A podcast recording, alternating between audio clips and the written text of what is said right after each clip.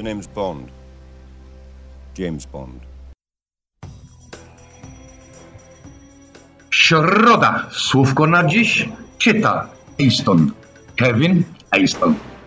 Nikt nie przedstawia się tak jak James Bond, ale też trzeba podkreślić, że tak jak po polsku pominiemy nazwisko i powiemy drogi panie, a nie drogi panie Easton, to po angielsku zupełnie naturalnie zabrzmi Dear Mr. Easton, czy też po niemiecku Herr Schroeder.